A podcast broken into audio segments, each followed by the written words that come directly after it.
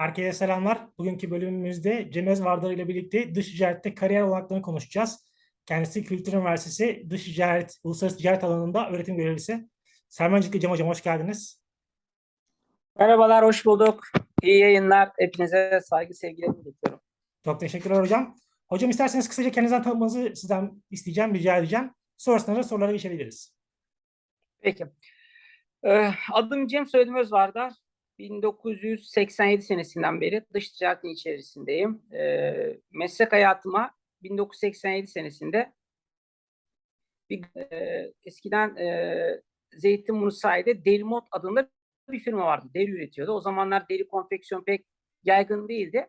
Bu firma e, dış ticaret elemanı arıyordu, ithalat elemanı. Ben de oraya müracaatta bulundum. Birçok kişinin içerisinde e, işte elemeler yapıldı. E, ve ondan sonrasında bana karar verdiler ve e, bir beş sene orada e, dış ticaret elemanı olarak e, ithalatta çalışmaya başladım. Daha sonrasında başka firmalara geçtim.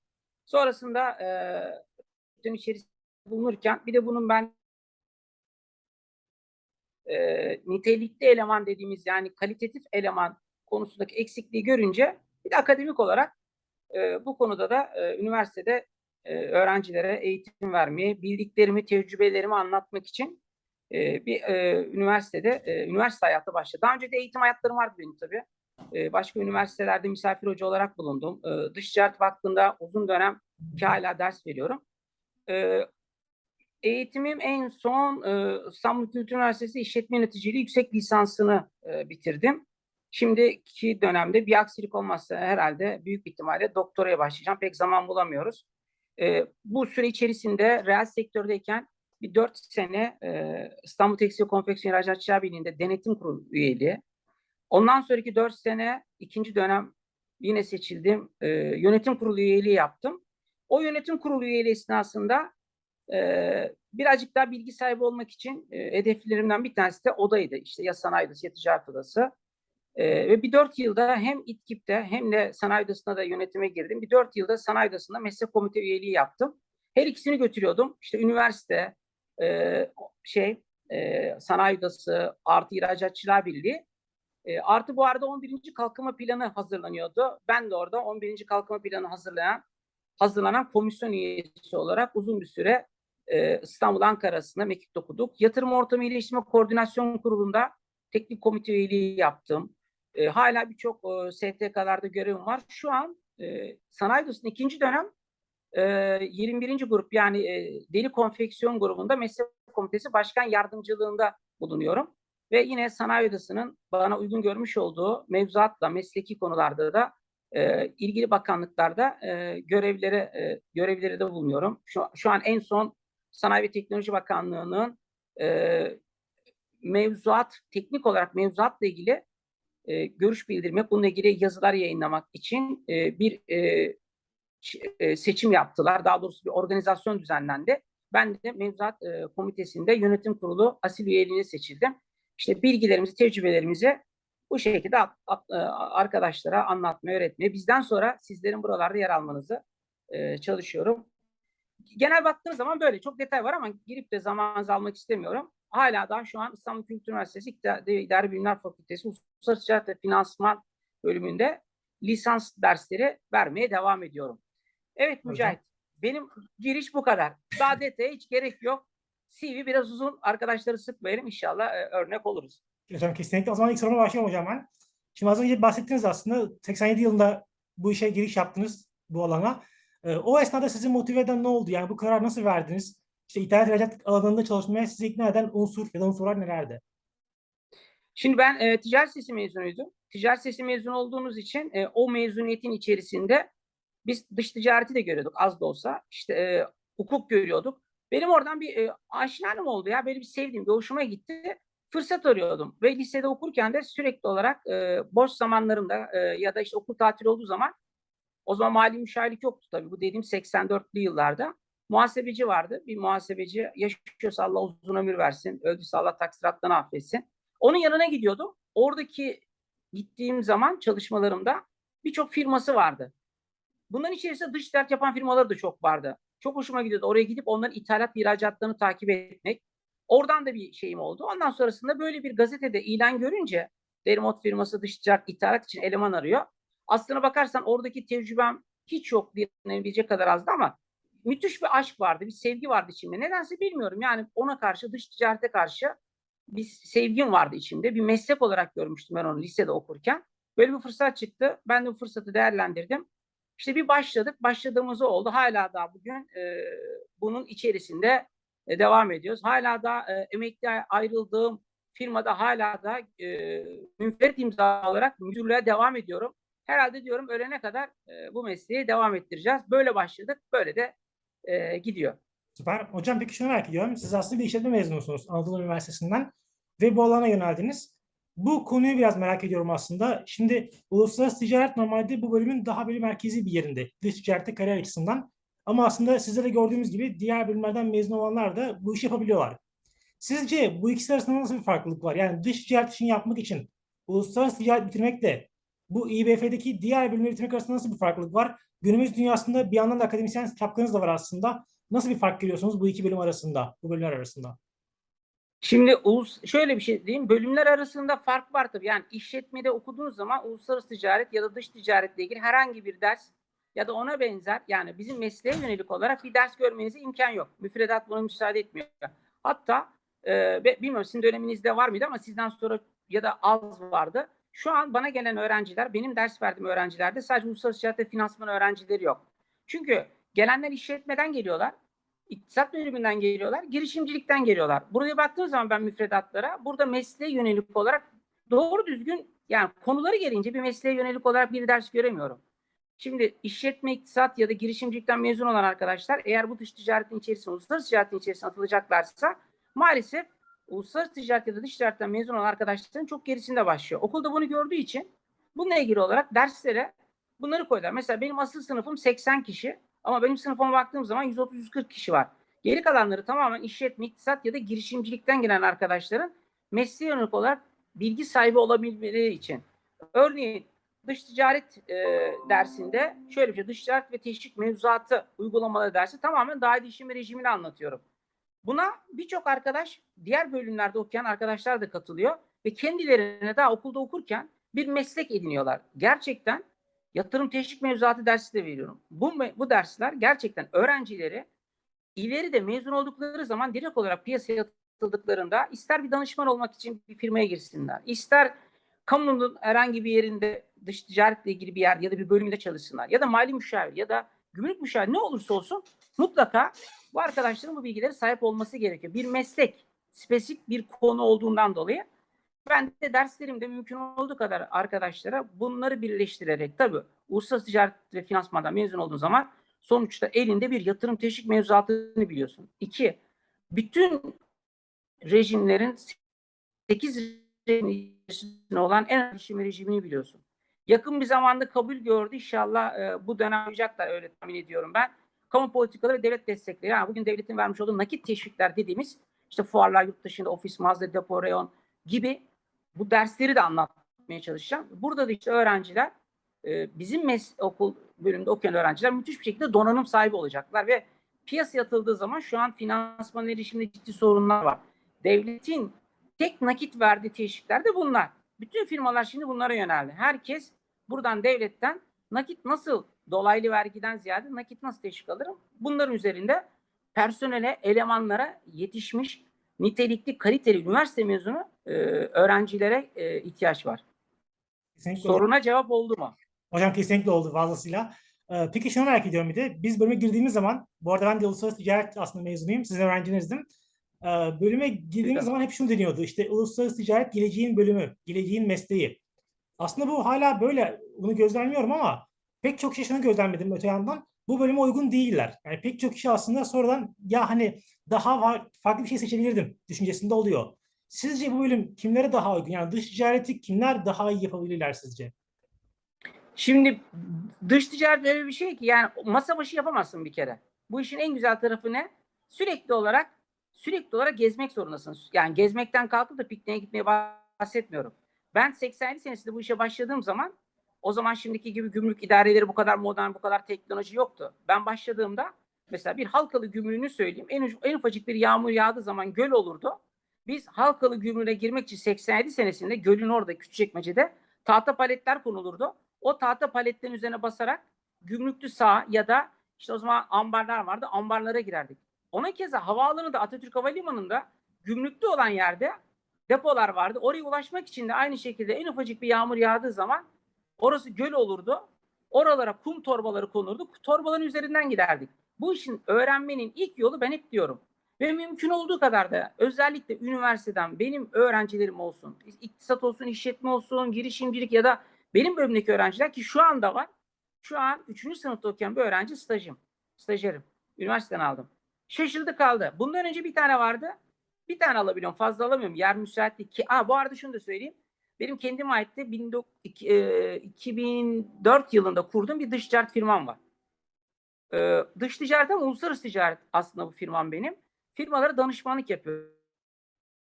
Gümrük danışmanlığından tutun da teşvikler her türlü danışmanlar. Üniversiteden sürekli olarak öğrenci alıyorum. Burada öğrensinler. Burada geldik gördükleri zaman şok oluyorlar. Ya hocam biz hiç okulda siz de dahil anlattığınız dersten uygulaması böyle olduğunu görmüyorduk, bilmiyorduk. Bunları görüyor öğrenciler. Burada gerçekten bilgi sahibi oluyor. Ve ben onları mümkün olduğu kadar sahaya sürmeye çalışıyorum. Yani artık gümrük bitti. E gümrük oldu. E ihracat oldu. E, e, ithalat beyan bunların hepsi manuelde. Biz manuel olarak bu işlemleri yapıyorduk. Bunun için öncelikle sahada olmaları gerekiyor. Sahada olabilecek, gümrükleri de gezebilecek ya da işte bununla ilgili olarak ilgili birimlere, TİM'e, işte e, İhracatçılar Birliği'ne, Sanayi Odası'na, Ticaret Odası'na, Gümrükler Bölge Müdürlüğü'ne bu tarzdaki yerlere mutlaka gidip dolaşabilecek, bu güce sahip olacak, bununla ilgili oralarda bilgi alabilecek, bunu sevebilecek biri olmalı. Yani şöyle bir mantığı varsa ben bu işe başladım, mezun oldum, gideyim bir yerde oturayım, masa başı yapayım. Masa başı yaptığınız zaman bu işi kaybediyorsunuz. Önce muhatap olduğunuz kişileri, kurumları görmek zorundasınız. Gümrük Ticaret Bölge Müdürlüğü. Buraları gezip buralarda işlerin nasıl yapıldığını, nasıl takip edildiğini, hangi işlemlerin hangi kategorilerden geçip nasıl karar verildiğini ya da bir e-beyanname tescil atıldığı zaman e-beyannamenin arkasında bunların onay, tescil, şimdi tescil ve şey onay aynı oldu. Bunların takibini yapıp bir malın gümrükten çekimi esnasında gümrüğe gidip bunlarla görüp bunları tanımak lazım. Bunları tanımadıktan sonra ya ben bu işi yapmam. Ben böyle gezemem ya. Ben masa başı yapacağım derseniz bence burada kaybedersiniz. Önce bir dışarıyı görmek lazım. Ha, ondan sonra gördükten sonra masanın başına oturduğunuz zaman kimse sizi yanlış bir yere, yanlış bir vesayete, yanlış bir işleme sürüklemez. O yüzden bu karaktere sahipseniz, bunu bu şekilde yapmayı düşünüyorsanız bu işe girin. Artı hata yapma riskiniz çok az. Sıfır denecek kadar. Neden? Eskisi gibi değil Mücahit. Eskiden her şey manueldi. Yedili beyanname vardı. Yedi tane hata yaptığınız zaman tipekse siliyorduk. Şimdi her şey dijital. E-beyanname. Hata yaptığın zaman o beyanname düzeltme şansın yüzde sıfır. Karşılığında bir maneviyattan üzülüyorsun, çöküyorsun. İki, bunun bir cezası var. Kaçakçılığa kadar giden bir ceza. Bu cezayı mutlaka firmanın yetkilileriyle müşavir firma ya da danışman firma ödemek zorunda kalıyor. O yüzden hata yapmamak için hepimiz insanız ama sahayı çok iyi bilmek lazım. Bankaları çok iyi gidip bankaları dolaşmak gerekiyor. Çalışılan banka, akretifi işte hala bugün öğrenciye sorduğum zaman akreditif kim açar? Hocam ihracatçı açar tabii. Hala ihracatçı açar bir öğrenci. Ee, bazen de sinirleniyorum, çıldırıyorum. Ya yapma diyorum ya. Yüz kere anlattım. Nasıl ihracatçı açar? Ya o akreditif ithalatçı açar. Sen ihracatçı sana gelir. O akreditif küşatı alacaksın. Bankaya gideceksin. Banka şubesiyle artık yetki yok. Bölge müdürü, bölge müdürüne gideceksin. Akredifin metnini orada öğreneceksin. İşte bir de İngilizce gerekiyor. Tabii çok böyle mükemmel bir İngilizce gerek yok ama sonuçta bir mesleki İngilizceye e, öğrenmekte mesleki İngilizce konusunda standart olan kelimeleri bilmekte tabii çok fayda var. Kesinlikle. Peki şunu merak ediyorum bir de. Diyelim ki bugün yeni mezun birisi geldi. Dedi ki hocam dedi Cem hocam bana tavsiye ver dedi. Ben mesleğe nasıl başlamalıyım? Ne yapmalıyım? Önceki soruyla birleştirirsek onlara ilave olarak ne tavsiye edersiniz bu yeni mezun arkadaşa bu konuda? Valla bir kere şunu söyleyeceğim. Öncelikle bu işi yapacaksa eğer yapmayı düşünüyorsa mesleğini sevecek. Kalben sevecek. Ne yaparsa yapsın hani bir şarkı var. Aşkla yapacak. Eğer aşkla yapmazsan, severek bu işi yapmazsan başarılı olamazsın. Ben ruhumla yapıyorum. Sevgimle yapıyorum. Kalbimle yapıyorum. Ben okuldaki şöyle önce derler okul. Ben okulumdaki öğrencilerimi çok seviyorum. Okulumu çok seviyorum ve çocuklara en ufacık bir kelime bir şey öğretmek de benim için apayrı bir zevk. Çünkü neden? mutlaka bir şeyler öğreteceksin ki senden sonraki kalanlar bu senin öğrettiklerin üzerine katarak gider. Ben ders anlattığım zaman biliyorsun slayta pek sadık kalmam, birçok şey yapmam. Sadece ben şu an 87'den beri birikimim olan bilgiyi anlatıyorum öğrencilere. Yoksa öteki türlü ben açıp kitaptan onu okursam o öğrenci mezun olduğu zaman hiçbir şey fark etmeyecek onun için. Ama ben ona onun uygulamasını, onun teorisini nasıl yapılacağını, onunla ilgili olarak nasıl karar alacağını, nasıl düşüneceğini, ezberlemeyeceğini, hep mantığını yürüteceğini dersini anlatmaya çalışıyorum. Çocuk arkadaşlara, öğrencilerime bunu e, bunu algılatmaya çalışıyorum ki mezun oldukları zaman, hayata atıldıkları zaman ve hala da senin gibi hala bugün mezun olan öğrencilerim çoğuyla görüşüyorum. Çoğu arıyor beni sağ olsunlar. E, o yüzden benim için önemli olan o mesleği severek yapsın. Sevmiyorsa sakın ve sakın girmesin. Ve bizim işte monotonluk yoktur biliyor musun? Ben bu kadar tecrübemde geçen hafta İzmir'deydim. Ondan önceki hafta Kayseri'de. Nereye gidiyorum biliyor musun? Firmalara firma içi eğitime gidiyorum. Müthiş bir şekilde hocalar hoşlanıyor, hoş, hoş tutuyorlar. Ya inan havaalanından alıyorlar, götürüyorlar. İşte Antep'e hiç gitmek istemiyorum çünkü Antep'e gittiğim zaman kilo alıyorum. Havaalanından alıyorlar. Hocam kahvaltıya gidiyoruz diyorlar. Bir gidiyoruz kahvaltı sofrasındaki Antep'teki çok gönülleri bol ya. Konudanın yarısını yiyemiyorsun ya. Yarısı defa oluyor, kar oluyor. Oradan çıkıyorum, ders anlatıyorum. Daha ikinci saat, üçüncü saat hocam filanca yerde bir yer ayar. Bir gidiyorum kebaplar dolu. O yapmayın arkadaşlar. Kebap yiyorsun, ofise geliyorsun ya da eğitim verdiğin yere. Ondan sonra 3 saat anlatıyorsun. Benim programım ondan başlayıp akşam 5'e kadar. Toplasan 4 saat bile ders anlatma. Hocam ya uçağa daha 2 saat var yemeğe gidelim. 2 saat de sen İstanbul gibi düşünüyorsun. Hocam burada ne ya? Burada yarım saatte çıksak ben sizi yetiştiririm. Haydi oradan gidiyorsunuz bir yemek daha yiyorsunuz. E ne oldu? Eğitim. Yani bu tarzdaki şeyler de var. tabii. Bunlar da çok güzel ve size monotonluk vermiyor. Ama dedim ki önce bu işi sahada dolaşacaksın. Sağa gezeceksin. Öğreneceksin. Müşavir firmasında mı çalışıyorsun? Kim sorumlusu abi diyeceksin beni ya da hanımefendi, beyefendi beni gümrüğe gönder. Oraları gö- bir Murat Bey yani bir Çatalca'ya gideceksin. Bir Erenköy'e gideceksin. Bir İstanbul e, Havalimanı'na oraya gideceksin. Burada işlemlerin nasıl yapıldığını göreceksin. Haydarpaşa o kadar çok çalışmıyor. Ambarlı'ya gideceksin. Ambarda bakacaksın. Bir geminin işlemleri nasıl yapılıyor? Özet beyanlar nasıl veriliyor? Barış öncesi gümrük işlemleri nasıl yapılıyor? Adam böyle bir sistemle çalışıyordur. Sen hala gidersin özet beyan. Ne özet beyanı? Adam malı yüklediği andan itibaren bütün gümrük demeyi sen Türkiye'de bitiriyorsun. Mal limana geliyor. Çekiliyor gidiyor. Hiçbir şey yok ortada. Her şey dijital. Araya biri girdi arıyor da dur kapatır herhalde. Şu reddedeyim ben. Hı, geldi mi? Evet. Tamam. Evet böyle Mücahit. Hocam peki bir de şunu merak ediyorum ben. Artık bir mikro ihracat kavramı var. Çok fazla konuşuluyor bu mikro ihracat konusu. Özellikle Amazon ve Etsy sayesinde. Ee, Sizce bu konu nereye evriliyor? Yakın vadede bu konuda bir kariyer yapılabilir mi? Mikro ihracat odaklı olarak. Şimdi Mücahit bunu en çok tetikleyen daha öncesinde bu vardı ama yüzde işte beşlerde altılarda dış ticaretin içerisindeki oran ya da yüzde sekiz gibi bir şey vardı. Yani bir orandı bu dış ticaretin içerisindeki oran. Çok az. Bizim şimdi dış ticaret ve mikro ihracat dediğimiz zaman bazı ürünleri mesela biz sürekli olarak şöyle mikro ihracat işliyor. Biz mesela sezon başında konfeksiyon olarak söylüyorum modeller yapılıyor. Bu modelleri biz belli miktarlarda e, takılmadan, gümrük takılmadan ilgili firmalara gönderiyoruz, kargo yapıyoruz. Ben bunları sene sonunda topladığım zaman yukarıdan aşağı ciddi anlamda kargo fiyatı ödediğimi görüyorum. Aynı şekilde sadece konfeksiyon değil, biz e, derinin tabaklanmasını yapıyoruz. Yani kanat deri oluşturuyoruz. Yani böyle şu kuzudan ya da koyundan. Onların da bir kartelasını yapıyoruz. Herkese kartelaları gönderiyoruz. İşte müşterilerin hepsini al bunları bak bunları biz üreteceğiz diye.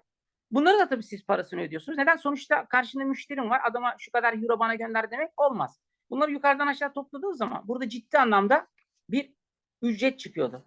Bununla ilgili olarak bakanlık bir çalışmalar yaptı ve buna bu mikro ihracatta bu gidenlerin karşılığında bu paraları biz ödüyoruz cebimizden ama bu gönderdiklerinin sonuçta bir ihracat statüsüne girip bunlar karşılığında bir KDV iadesi oluşturmaya çalışıyoruz. Şimdi mikro derken sadece ben onun bu- burada şeyin Microsoft'un, Amazon'un yaptıklarından değil. Ben daha bir geniş bir şey yapacağım. Yani bunun işlentisini anlatacağım genel anlamıyla. Tabii detayı var bunun. Bu konuda mikro ihracat konusunda e, çok e, uzman olan e, arkadaşlarım da var benim. Sadece bu işlerle uğraşıyorlar. Buna bakanlık bir şey koydu. Dedi ki ben burada dedi 300 kilonun altında kalmak şartıyla bir de 15 bin euro limite kadar olanlarda ben bununla ilgili olarak elektronik beyanname, basitleştirilmiş gümrük usulünde yani elektronik beyannameyle bu işi yapabilirsiniz dendi. Biz ürettiğimiz ürünün numuneleri e, kargo firmasına veriyoruz. İşte UPS, DHL, TNT falan. Bunlar bunu alıyorlar. Bunların altında olanlar. Bunları alıyorlar. Hepsini toplayıp ortada bir tane e, beyanname var. Tek bir beyanname üzerinden sen, ben, benim gibi, senin gibi birçok firma bunları teslim ediyor. Teslim ettikten sonra DHL bunu alıyor, ihracatını yapıyor. Yaptıktan sonra o ihracat tek bir işlem üzerinde birçok firmanın üretici olarak isimlerini görür ve o firmalara gider KDV iadesinde bulunur. Böyle bir sistem var. Şu an Türkiye'de bu uygulanıyor. Eskiden yüzde dediğim gibi 5-8 arasındaydı. İşte maksimum 8 ama Covid'den sonra koronadan sonra bu salgından sonra bu oranlar yüzde yirmiye pandemiyle birlikte yüzde yirmi gibi bir orana çıktı. Ve her geçen gün artıyor. Dikkat ederseniz sosyal medyada bununla ilgili olarak çok uzman olan arkadaşlar var. Mikro ihracatları anlatıyorlar. Bununla ilgili olarak devletin ciddi teşvikleri var. Ben İstanbul Sanayidesi olarak defalarca şunu yazdım. Sanayi ve e, e, Ticaret Bakanlığı ve TOB'a ya sadece bu mikro ihracat öyle bir hal aldı ki dış ticaretin içerisindeki payı yüzde yirmilere hatta aşarak da devam ediyor. Yanılmıyorsam yüzde yirmi beş gibi bir orandan bahsediyorlardı geçenlerde. Tam emin değilim. Yanlış bilgi vermek istemiyorum. Bunu krediyle faydalanır. Ben büyük resmi çiziyorum. Ya da ben bunu taahhüt hesabında kullanacağım. Taahhüt hesabını kapatmak istiyorum. Nedir işte teknik olarak girersen daire işleminin taahhüt hesabı. Vergi resim asistansı belgesi denen bir belge var. Taahhüt hesabı. Yani normalde bankadan almış olduğum kredilerin taahhüt hesaplarını bununla kapatmak istiyorum dedim ama bakanlık bununla ilgili çalışmalar hala devam ediyor. Sadece sadece şu an için mikro ihracatta bize basitleştirilmiş gümrük hattıyla yapılan ihracatta bize şu an sadece devlet KDV iadesi olarak veriyor. Çünkü burada bunların KDV iadesinin dışında bu dediklerinden faydalanabilmen için işin mantığı bu. Bunun yapılan ihracattaki tutar ne kadarsa bunun nispi aidatını ihracatçılar birliğine yatırman lazım. Normal bir ihracat gibi. Ama bu normal bir ihracat değil. E, yatırılmadığı için kayıt altına alınamadığından dolayı da bakanlık bu konuda bir elektronik çalışma yapıyor. Eğer bu çalışma yaparsa mükemmel bir iş olacak. Neden? Bir, bir kere orada gümrük beyannamesi ya da ardiye ücreti diye bir şeyin yok senin. Herhangi bir gümrük müşavirine de ihtiyacın yok. Sen bu işi çok rahat bir şekilde yaparsın.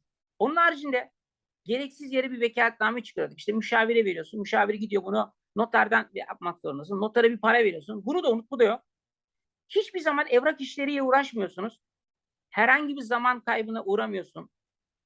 İhracatını yapacağın ihracatı 300 kilo ve 15 bin euronun altında olan bu limitteki bu ihracatın için en hızlı bir şekilde taşımayı yaptırıyorsun.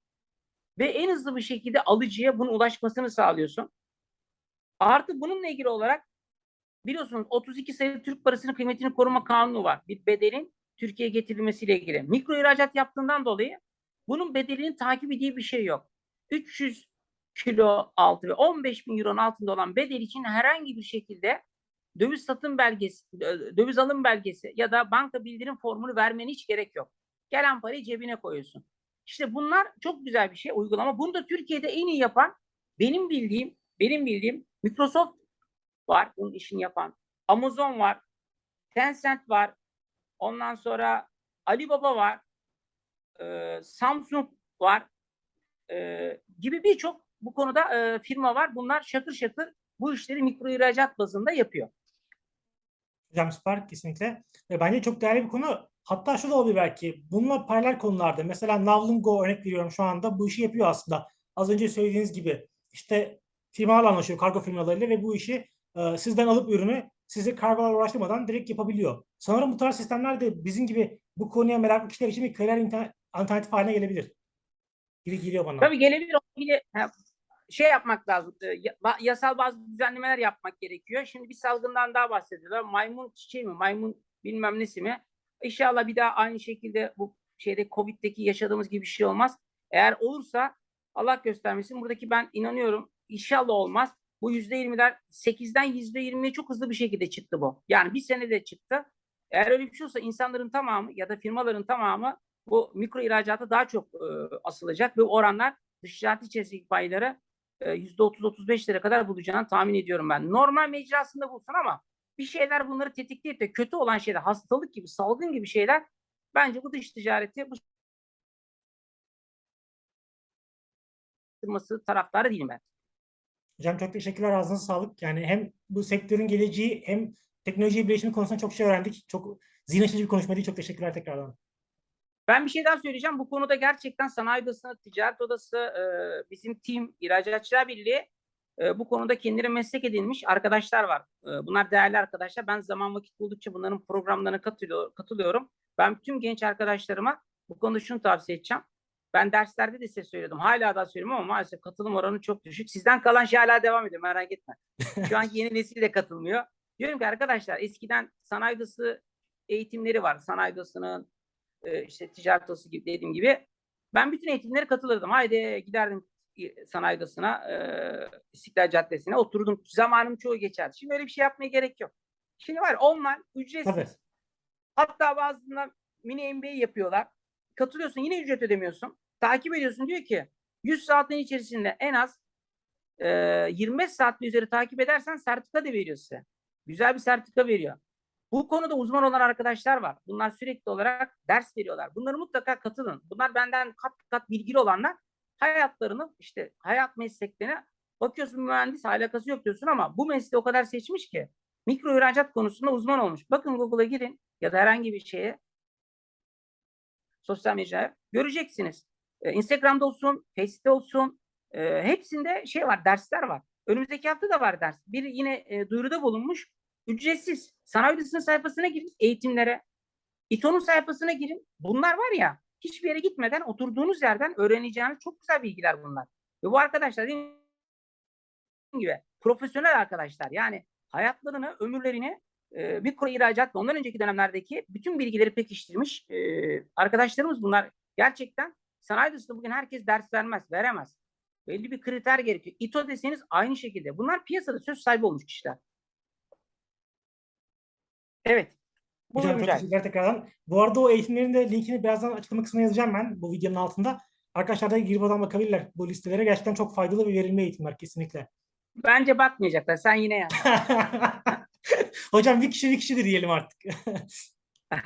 Ya ben çok kızıyorum biliyor musun? Ben eee tabii bu bir sohbet havasında geçiyor. evet. Şimdi ben, ben anlatınca bazen diyorlar ki "O- sen yaşlanmışsın. Ya yaşlılık gençlik onu de ben şunu söyleyeyim. Gerçekten siz çok şanslı bir nesilsiniz. E, Google Hazretlerinden istediğiniz an istediğiniz bilgiye ulaşıyorsunuz. Benim 87'de başladığımda e, bilmiyorum söyledim mi? O dönemlerde şey vardı. e, böyle bilgiye bir yerde ulaşmaya bırak. Şirkette düşün Derimot firması ya Türkiye'nin sayılı firmaları bilgisayar bile yoktu. O zaman yatırım teşvik kapsamında 88'de IBM'den bir dakika kalmış Zoom kapanacak tamam. IBM'den bilgisayar geldi. 10 tane servisleri dağıttılar. İthalat servisine haftada bir gün 4 saatliğine gelip şey yapıyorduk biliyor musun? Evet. Faydalanıyorduk. Lebip Yalçın'dan kağıtlardan okuyorduk. Kağıtlara göre birini çıkarıp birini koyuyordum böyle. Yani şimdi sizde öyle bir şey yok ya. İndir resmi gazete cebine seyret. Aynen öyle. Evet. Hocam çok teşekkürler tekrardan. Çok sağ olun. Ben teşekkür çok ederim. İnşallah faydası olmuştur. Yayınlayacağın linki bana da atarsan eşe Tabii hocam. akrabayı ben de göndereyim. Tabii hocam. Sevinçle. Çok teşekkürler tekrardan. Kendinize çok iyi bakın.